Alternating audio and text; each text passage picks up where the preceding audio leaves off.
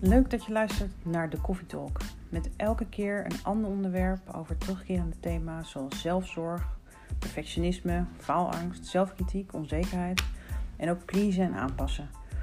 De Coffee Talks zijn er vooral voor herkenning, een stukje steun en als inspiratie voor je persoonlijke ontwikkeling.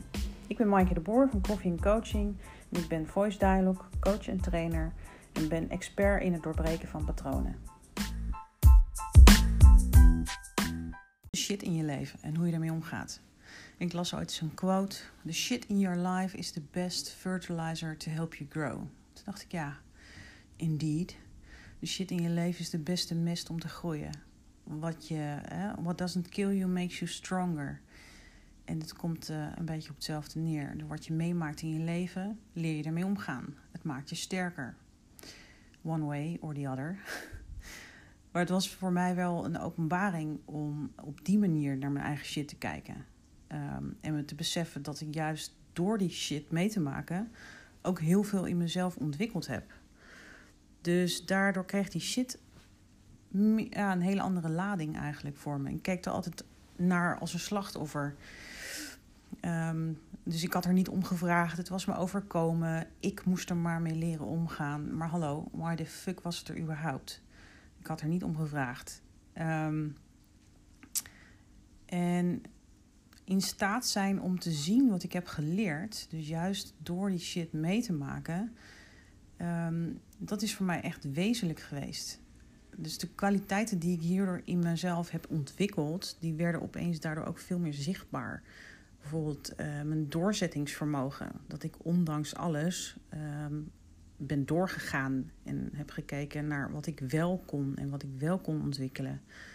Ook veerkracht, dat uh, na elke dip ik er weer uitkwam, uh, iets leerde en daar weer anders mee omging.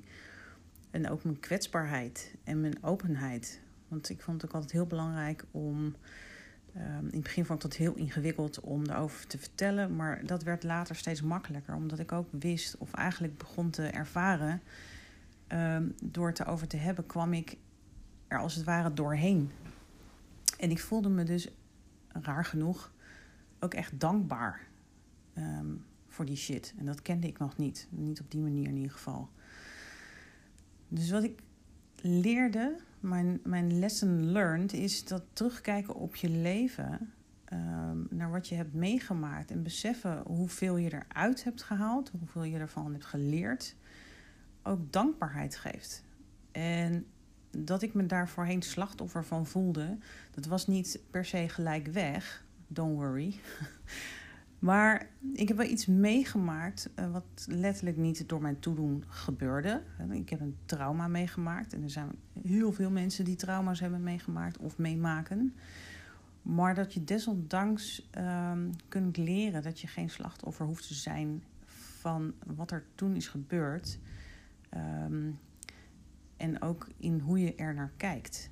En dat de manier van kijken dus echt zo wezenlijk um, ja, eigenlijk een wereld van verschil kan betekenen.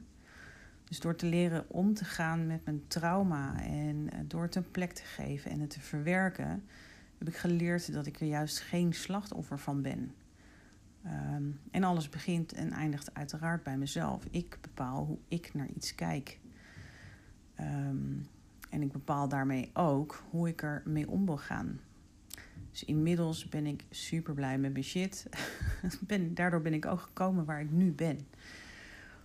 En ik ben wel benieuwd als jij dit luistert, uh, wat het in je oproept. Ga je daar ook zo mee om of zit je daar totaal anders in en voel je echt nog wel regelmatig slachtoffer van dingen die je overkomen of overkomen zijn?